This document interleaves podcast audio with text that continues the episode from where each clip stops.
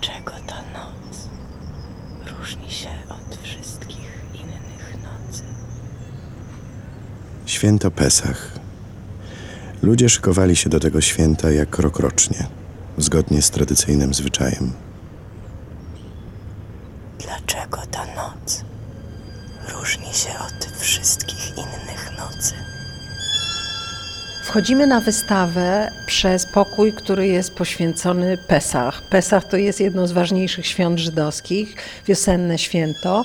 W przeddzień wybuchu powstania w getcie, czyli w przeddzień 19 kwietnia 1943 roku, był wieczór sederowy. Wieczór sederowy to jest taki wieczór, który jest uroczystą kolacją, właśnie poprzedzającą święto Pesach. Zbierają się całe rodziny i wtedy między innymi czyta się fragmenty księgi Estery i najmłodsze dziecko zadaje pytania. Jednym z takich pytań jest y, Manisz Tanaha Laila Hazemi Kolha Leilot, to znaczy czym ta noc różni się od innych nocy.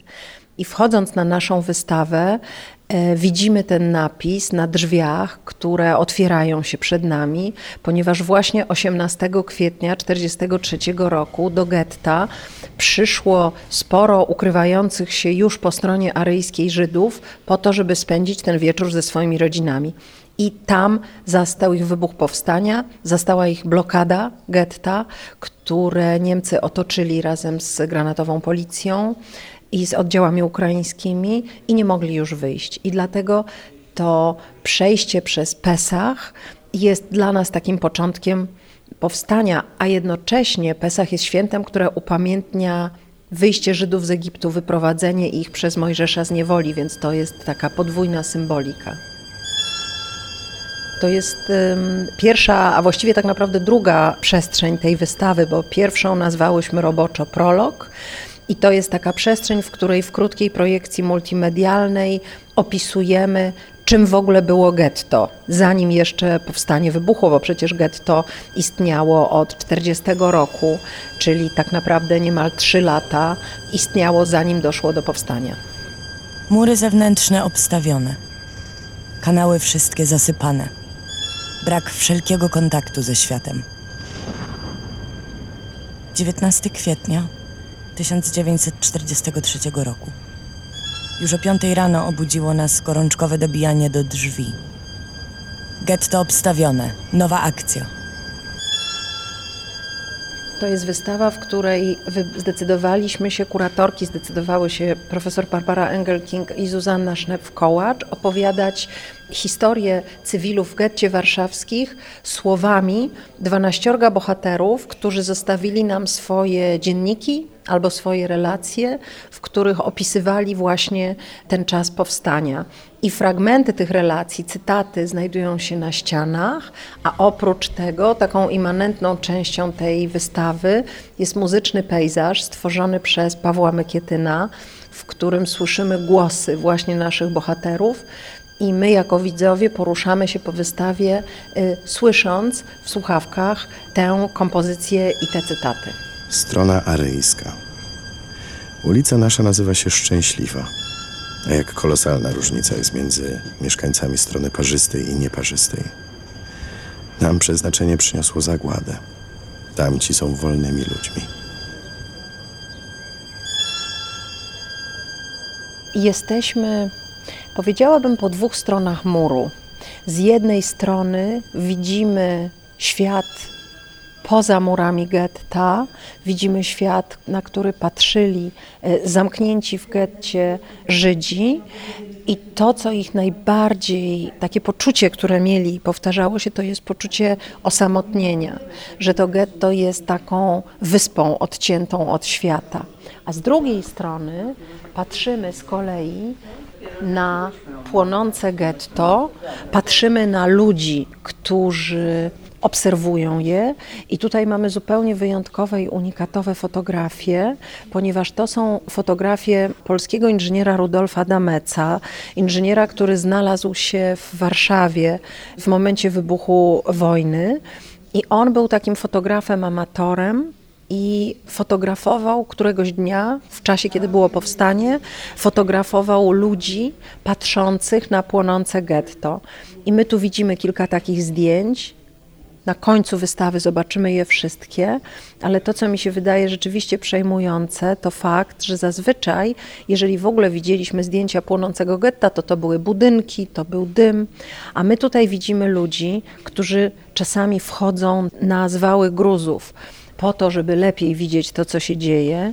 Widzimy tych, którzy podchodzą blisko muru, widzimy wreszcie i możemy sobie wyobrazić, że być może wśród tych patrzących byli też Żydzi ukrywający się po aryjskiej stronie, którzy przychodzili pod mur i my o tym wiemy, bo są takie relacje i z rozpaczą i bezradnością patrzyli na to, jak za murem giną ich bracia i czasem słyszeli bardzo bolesne i raniące komentarze, jak chociażby taki, który tu pokazujemy, o Żydki się palą, Żydki skaczą.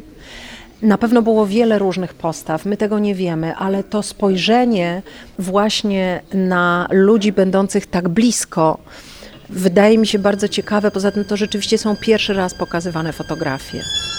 Przez szyby wychodzące na ogród Krasińskich widzi się dachy domów stojące po drugiej stronie ogrodu. Na dachach siedzieli ludzie, Polacy, i przyglądali się temu, co się u nas dzieje. Widząc tych ludzi, wolnych i bezpiecznych, jakże pragnąłem odkryć ich myśli, odczytać, co się dzieje w ich duszach. Na końcu tej naszej drogi, takiego spojrzenia z wewnątrz getta i z zewnątrz getta, widzimy instalację artystyczną Joanny Rajkowskiej, która zatytułowała ją Żyjemy dniem, godziną, minutą. I to jest taki ogromna, powiększona fotografia, podświetlona oka. Oka, które patrzy właśnie z jednej strony muru, a jednocześnie patrzy z drugiej. I to, co mi się też wydaje bardzo ciekawe, to, że to jest oko pani Krystyny Budnickiej, która jest jedną z bohaterek naszej wystawy, która jest jedyną jeszcze żyjącą osobą właśnie będącą bohaterką naszej wystawy, a jednocześnie osobą, która jako dziewczynka razem z całą swoją rodziną ukrywała się właśnie jako osoba cywilna w getcie. Bo to też jest jeszcze ten wyjątkowy moment w historii, że opowiadają o tym ludzie, którzy tam byli. To za chwilę się skończy. No tak, spośród tych 12 bohaterów już tylko pani Krystyna żyje i zresztą we wspaniałej formie i dzisiaj kilka godzin temu odsłoniliśmy tu niedaleko na Anielewicza skwer imienia jej rodziny, Kuczerów. Ona była tam obecna i rzeczywiście bardzo przejmująco mówiła o tym, że jej rodzina nie ma nigdzie swojego grobu, nie ma e, miejsca, które ich upamiętnia. I ten skwer jest właśnie takim rodzajem symbolicznego upamiętnienia. Jeszcze wracając do tej instalacji Joanny Rajkowskiej, chciałam powiedzieć, że dla artystki to oko było też opowieścią o tym, że tak jak powiedziałam, że żyjemy dniem, godziną, minutą i że tak naprawdę to jest jedno mrugnięcie oka, które dzieli nas od czegoś ostatecznego. Wszyscy zeszli do schronów. Ulica jest pełna ludzi. Muszę błagać, by nas przyjęli do schronu. Nadzieja słaba, bo miejsca ograniczone. Schron był dobrze zamaskowany. Nikt by się nie spodziewał, że tu może być wejście. A żeby dostać się do bunkra, należy otworzyć klapę i opuścić na głębokość 90 cm. Przejść pół metra w pochylonej pozycji, w końcu wejść po kilku schodkach i jest się w naszym schronie.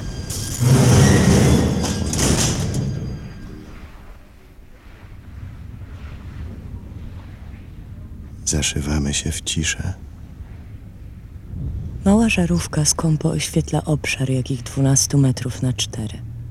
Idziemy dalej, wchodzimy teraz do przestrzeni, którą projektantki, twórczynie tej wystawy, czyli Małgorzata Szczęśniak i Saskia Hellman, w niej starały się oddać doświadczenie bycia w bunkrze. Ja cały czas używam słowa bunkier, ale kryjówki, w których Żydzi chowali się, te 50 tysięcy osób cywilnych chowało się, to nie były tylko piwnice, to były czasem przerobione też na kryjówki mieszkania na Same bunkry przygotowania do ich budowy zaczęto kilka miesięcy przed wybuchem powstania i niektóre z nich były bardzo starannie zaprojektowane. Chodźmy, podejdźmy do m, takiego szkicu, który właśnie przedstawia jeden z bunkrów przy ulicy Świętojerskiej. To jest rysunek wykonany przez jednego z bohaterów naszej wystawy, pana Leona Najberga. Widzimy, jak niekiedy starannie one były zrobione, to znaczy chociażby fakt, że miały wentylację, że miały zgromadzone zapasy jedzenia, że była tam niekiedy doprowadzona elektryczność, prąd. Nasz schron to piwnica. Prowadząca do niej klapa zamaskowana jest przytwierdzonym do niej arkuszem linoleum. Zaopatrzyłem schron ten w pościel, naczynia i wodę. Urządziłem dla wszystkich wygodne legowiska, wykładając podłogę kołdrami, by głuszyły zdradzieckie szmery. Odgłos szeptu, kaszlnięcie wydaje nam się huraganem, który gotów nam w każdej chwili sprowadzić wroga za sobą. Zaszywamy się w ciszę. Wszystko trzeba robić w nocy. Gotować, myć się, poprawić legowiska. W dzień się nie poruszać. Zamienić dzień na noc. Przez cały dzień spać i leżeć bez ruchu. Czasem również one były połączone z kanałami i na przykład rodzina Krystyny Budnickiej w taki sposób udało im się wy, wydostać z bunkra. Ale to, co przede wszystkim chciałyśmy tu opowiedzieć, używając też właśnie cytatów, tych słów ludzi, którzy w takich bunkrach przebywali, to jest opowieść o ich uczuciach, o ich emocjach. To jest opowieść o tym, że Dzień staje się nocą, a noc dniem, w takim sensie, że w dzień musieli być w absolutnej ciszy, bo wtedy chodzili po getcie Niemcy i szukali i słucha, nasłuchiwali. Więc wszystkie dźwięki, wszystkie rozmowy, wszystko musiało dziać się nocą. Każdy dźwięk był zagrożeniem życia. Nawet pojawia się taka relacja mówiąca o tym, że dziecko nas zgubi, że jeżeli dziecko zaczęło płakać, to pozostali bali się, że zdradzi ich kryjówkę. Słychać kwilenie niemowlęcia. Dziecko nas zgubi. To jest takie dojmujące uczucie strachu, klaustrofobii, tego, że jestem stłoczona przymusowo z innymi ludźmi, którzy czasem też y, są ze strachu, z obawy, z lęku o własne życie, są niechętni temu, żeby wchodzili tam nowi ludzie, którzy zabierają zapasy żywności, powietrze. To jest wreszcie takie uczucie, o którym też rzadko się mówi, ale po prostu oprócz strachu to jest na przykład nuda. Ja tam leżę całe dnie i nie, co ja mam robić? Więc y, chciałyśmy oddać właśnie takie poczucie klaustrofobii i osamotnienia w tłumie niekiedy. Jeden cytat z wystawy: Leżymy na pryczach i czytamy książki. I od razu, jakie sposoby ucieczki są od takiego koszmaru. Tak, to prawda, to prawda, no ale też wyobrażamy sobie, że nie wszystkim udało się na przykład mieć ze sobą książkę, bo przecież proszę pamiętać, że to jest sytuacja, kiedy ludzie w pośpiechu zbiegają do tych bunkrów, nawet jeśli one były przygotowywane. I wiadomo, że najważniejszymi rzeczami jest to, żeby tam było jedzenie. Także zawsze myślę sobie, że nam po prostu jest nie tylko trudno, to jest niewyobrażalne, co oni czuli i co myśleli. My możemy próbować o tym czytać, próbować tego doświadczać, próbować to odtworzyć, ale nikt z nas, kto tego nie przeżył, nie wie. Zabrano mi ciebie. Zabrano wszystko, co drogie, a pozostałem sam. Ta ciemna, prostokątna piwnica staje się dla nas zbiegiem dni czymś swoim, drogim, jedynym.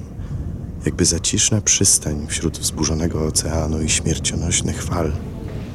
Powstanie wybucha w momencie, kiedy jest już po wielkiej akcji deportacyjnej, czyli większość mieszkańców getta jest wywieziona do obozów zagłady i zamordowana, ale z drugiej strony na froncie rosyjskim niemiecka armia zostaje po raz pierwszy pokonana pod Stalingradem. I pamiętam, jak y, pytałam się profesor Barbary Engel-King, czy oni mieli nadzieję. I wtedy ona mi odpowiedziała, że zawsze się ma nadzieję. I powiedziała mi też, że dochodziły do getta właśnie plotki, informacje o tym, że oto Niemcy po raz pierwszy, ta niezwyciężona dotąd armia niemiecka, poniosła ogromną klęskę. I może również ci ludzie liczyli, że uda im się tu przetrwać, przechować i przeżyć. No ale to wszystko się zmienia po kilku dniach. My jesteśmy w tej chwili w takim czerwonym pomieszczeniu, ostatnim bunkrze, dlatego że Niemcy zaczynają systematycznie podpalać getto. I to jest y, podpalanie domu po domu. Więc ci, którzy zrobili, zbudowali sobie kryjówki na piętrach, właściwie oni najszybciej giną straszną śmiercią, bo nie mają dokąd uciec. Natomiast ci, którzy znajdują się w piwnicach, czując te gorące mury i czując dym i zdając sobie sprawę, że to jest systemowo podłożony pożar, no też wiedzą, że za chwilę będą musieli stamtąd uciekać. Niektórym, tak jak wspomniałam o Krystynie Budnickiej, udaje się uciec kanałami, no ale większość z nich jest, y, te bunkry są wykrywane, albo ludzie sami z nich uciekają. Ludzie zaczęli skakać z piątego piętra, by tak znaleźć wyzwolenie. Śmierć. Niektórzy bali się skoku, a gdy stanęli na tym miejscu, gdzie byli widoczni dla Niemców, wtedy Niemcy strzelali do nich gęsto. Ludzie masami ponosili śmierć. Cały stos ludzi się utworzył na tym miejscu. Stos ten rósł z minuty na minutę. Matki wraz z dziećmi skakały na dół. Zda się, że przyszedł koniec świata.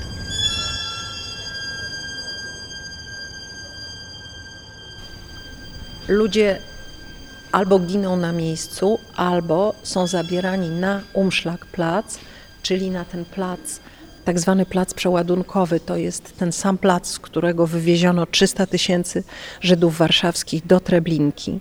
I Żydzi są wywożeni do obozów na Majdanku, na Lubelszczyźnie i między innymi też do Treblinki albo są zabijani i mordowani. Jednym z takich miejsc, gdzie są zabijani i mordowani jest ulica Zamenhofa 19. To jest dokładnie to miejsce, w którym jest nasze muzeum, gdzie my w tej chwili jesteśmy.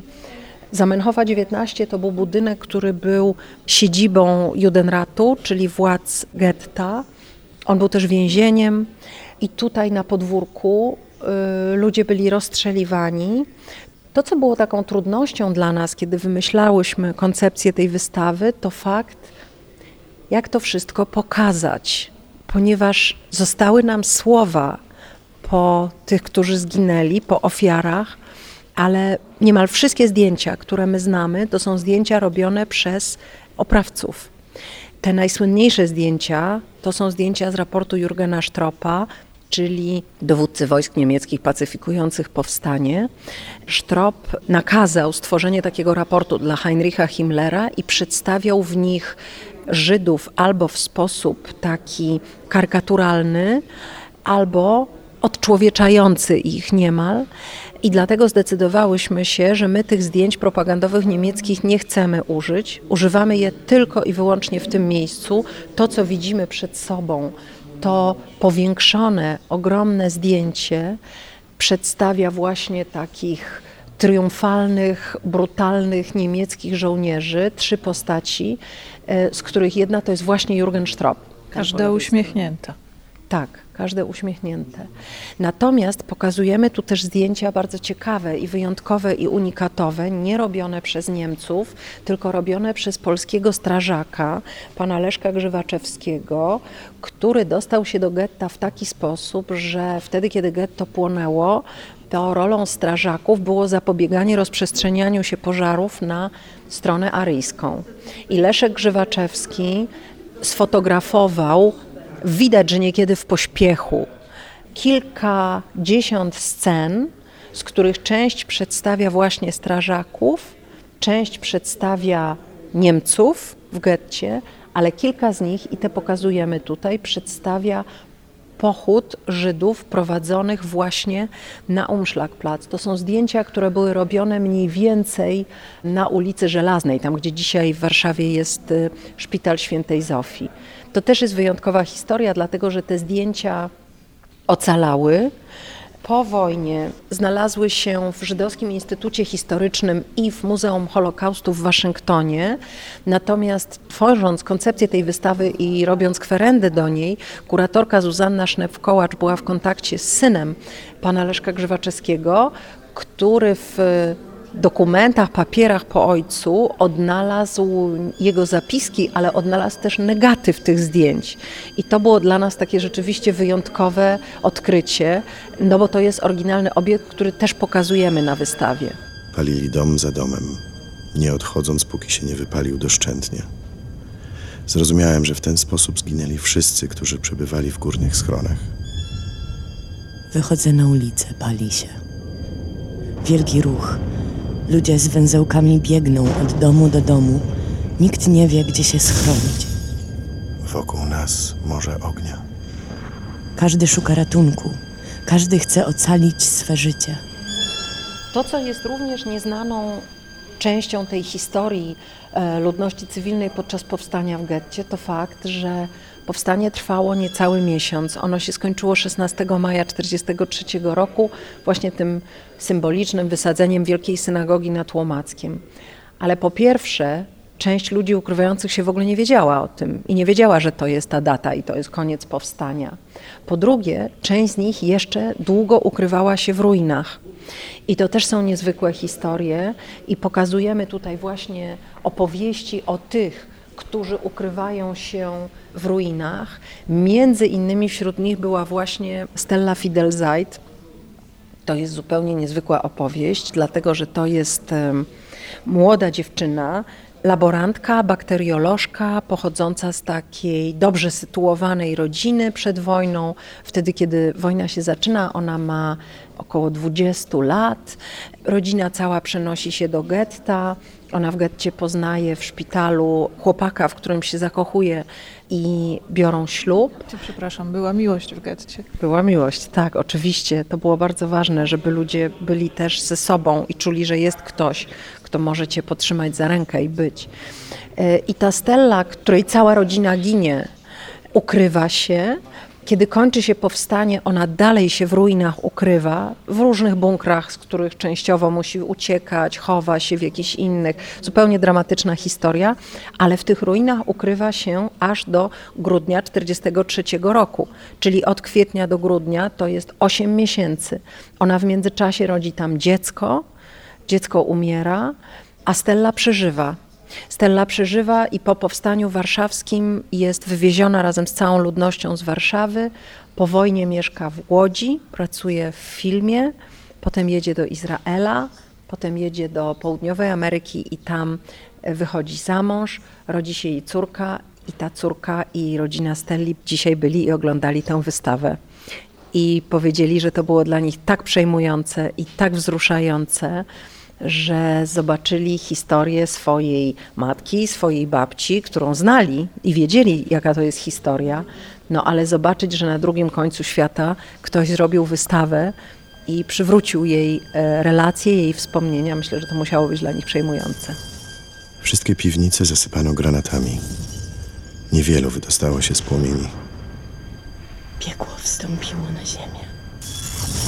Jak okiem sięgnąć, jedno wielkie morze ognia. Tu już płoną nie pojedyncze domy, ale całe szeregi ulic, całe dzielnice.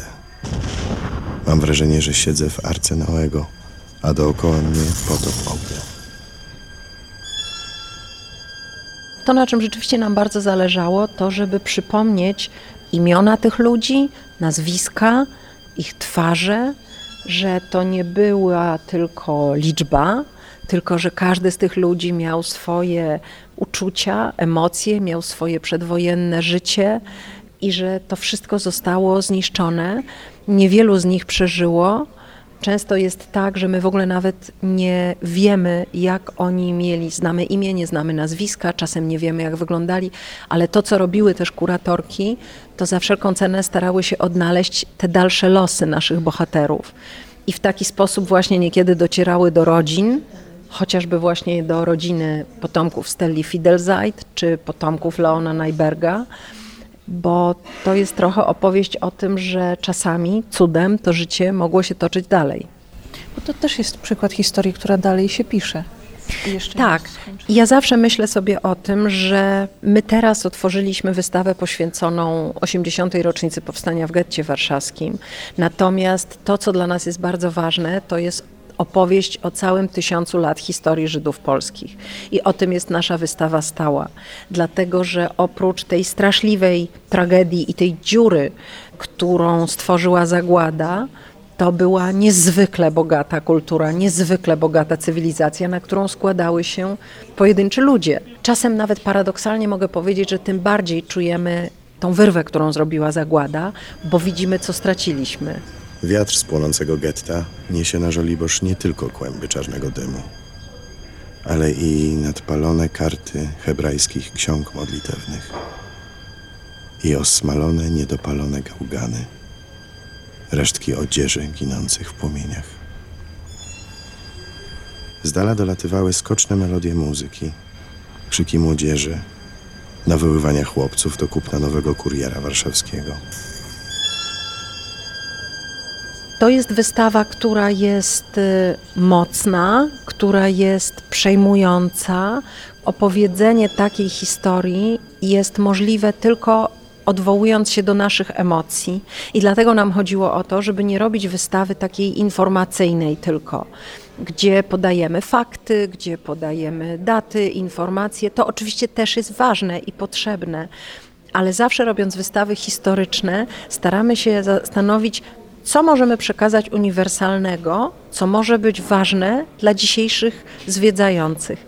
I cała ta wystawa, którą zbudowaliśmy, nie doszłyśmy jeszcze do końca, tak naprawdę jest częścią programu, który towarzyszy obchodom tej rocznicy przez cały rok 23. I to jest opowieść, to jest hasło Nie bądź obojętny. To jest hasło, do którego inspiracją było dla nas przemówienie e, Mariana Turskiego, przewodniczącego naszej Rady Muzeum, które wygłosił w Auschwitz w związku z 75. rocznicą wyzwolenia obozu. I Marian Turski miał tam niezwykłe przemówienie, w którym mówił o tym, że Auschwitz nie spadło z nieba. Auschwitz tuptało i dreptało, ponieważ pozwalano na to, pozwalaliśmy, pozwalano na to, żeby nie reagować i nie przeciwstawiać się złu wtedy, kiedy ono jeszcze zaledwie pokazywało takie małe, niewielkie elementy. Kiedy na przykład w Niemczech zaczęły się szykany wobec Żydów i w jednym z parków Żydzi nie mogli siedzieć na y, ławkach. No, można powiedzieć, trudno. To mogą siedzieć gdzie indziej. Kiedy zaczynało się od tego, że Żydzi w określonych godzinach nie mogli kupować w sklepach. To jest dokładnie tak, jak zaczynała się wojna i okupacja wobec Żydów w Polsce, na polskich ziemiach, bo to też były takie kroki separujące i izolujące Żydów to hasło, jedenaste przykazanie, które cytuje Marian, tak jak mówił to jego przyjaciel Roman Kent, nie bądź obojętny, jest bardzo ważne i to jest to uniwersalne przesłanie naszej wystawy, które chcieliśmy przedstawić. Tutaj każdy drobiazg jest ważny i my tak już od dłuższego czasu stoimy w jednym miejscu, a za pani plecami jest taki drobiazg. Co to jest? Tak. To jest e, właśnie znowu jeden z przedmiotów, które zostały znalezione podczas wykopalisk archeologicznych. To jest e, cyferblat czyjegoś zegarka, który ktoś nosił ze sobą, patrzył na niego wiele razy dziennie. On mu pokazywał właśnie dni, godziny, minuty. Pokazujemy tu też inne przedmioty osobiste, chociaż oczywiście nie wiemy do kogo należały. Pokazujemy okulary, pokazujemy w gablotach tamtych, mm, niedaleko, do których podejdźmy może, pokazujemy talerze z czyjegoś domu, pokazujemy jakieś buteleczki, łyżki i to, co zawsze mi się wydaje najbardziej przejmujące, klucze. To są klucze do czyichś domów, gdzie ktoś zamykał drzwi, wychodził, potem wracał klucze są czymś takim, co każdy z nas ma i są taką opowieścią, która znowu w niezwykły sposób uruchamia nam wyobraźnię, no bo możemy sobie wyobrazić, ile za tymi drzwiami toczyło się żyć. Znalazłam się nagle na zadymionym podwórku. Pośród nas uwijali się Niemcy z rewolwerami w dłoniach. Ustawiono nas twarzami do muru. Stało się dla nas rzeczą pewną, że zastrzelą nas. Żona moja, ściskając mnie kurczowo za rękę, szeptem żegnała się ze mną na zawsze. Ktoś głośno krzyczy po niemiecku. Słów nie odróżniamy. Postanawiamy śpiewać polską piosenkę żołnierską. Kto przeżyje, wolny będzie, kto umiera, wolnym już. Dlaczego leżysz? Wstań. a wokół syczą głodne żeru krwawe płomienie. Giną ostatnie dwie ulice dawnego wielkiego getta. Żar płonących domów bije nam w twarze. Jesteśmy w takiej przestrzeni, którą nazwałyśmy skarbcem, a mianowicie pokazujemy tutaj właśnie takie niezwykłe dokumenty, które ocalały. Wśród nich chyba najważniejszy, przynajmniej dla mnie, to jest dziennik jednej z naszych bohaterek, Marylki. My nie wiemy, jak ona się nazywała. Ona prawdopodobnie pisała swoje dzienniki, ich było więcej, ale ocalały tylko dwa bruliony. Otworzyłyśmy je specjalnie na takiej znaczącej dacie 20 kwietnia. A czy mogłybyśmy przeczytać fragment? Czy mogłaby Pani? Niestety, to jutro okazało się straszniejsze niż wszelkie przewidywania. W przeddzień wieczorem panika rozlała się na dobre i ogarnęła szop cały. Już o czwartej nad ranem znaleźliśmy się w schronie, tym samym, o którym wspominałam już poprzednio. Czyli to jest ten pierwszy moment powstania.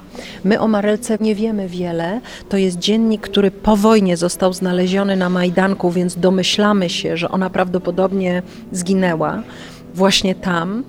No i wydaje nam się, i rzeczywiście to muzeum na Majdanku zdecydowało się i zgodziło się nam wypożyczyć. Wydaje mi się, że to jest niezwykły dokument. My w ramach naszego programu całorocznego również wydajemy kilka publikacji.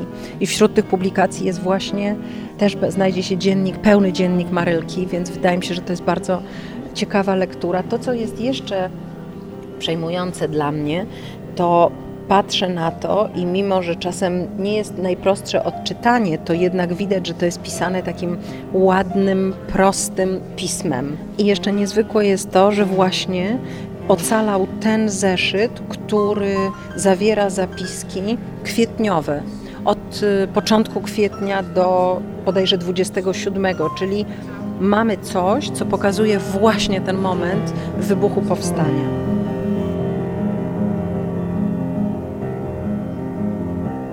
Przedostatnią częścią naszej wystawy to jest przestrzeń, którą nazwaliśmy Bohaterowie. I tutaj, po przejściu przez całą wystawę, słuchając fragmentów dzienników czy wspomnień naszych bohaterów lub czytając je na ścianach, wreszcie możemy zobaczyć, jak oni wyglądali, kim byli, to, jak wyglądali, oczywiście możemy to zobaczyć w przypadku tych, których zdjęcia odnaleźliśmy, ponieważ czasem, jak wspomniałam, my nie wiemy, jak oni wyglądali, czasem nie wiemy dokładnie, jak się nazywali, ale staraliśmy się opisać tutaj w takich krótkich biogramach ich historię. Co się z nimi stało po wojnie, jeśli przeżyli, kim byli przed wojną, kim byli w trakcie wojny. I wydaje mi się, że zobaczywszy dopiero ich twarze, to jest taki moment, kiedy widzimy naprawdę, że to byli ludzie z imionami, nazwiskami i twarzami. Ostatnią w tym ciągu fotografii jest właśnie pani Krystyna Budnicka, czyli Hena Kuczer, która pojawia się nam trzykrotnie na tej wystawie, ponieważ raz w instalacji Anny Rajkowskiej Oko, drugi raz w prologu, gdzie robimy taki krótki wstęp filmowy, czym było getto, to pani Krystyna Budnicka jest narratorką. No i tutaj widzimy ją jako, wydaje mi się, dziesięcioletnią mniej więcej dziewczynkę śliczną i poznajemy jej historię. Widzimy tu też całe sekwencje dwie i bardzo nam też zależało na tym, żeby pokazać zdjęć Leszka Grzywaczewskiego, tego strażaka, robione wewnątrz getta i Rudolfa Dameca, czyli inżyniera, który fotografował ludzi patrzących na getto.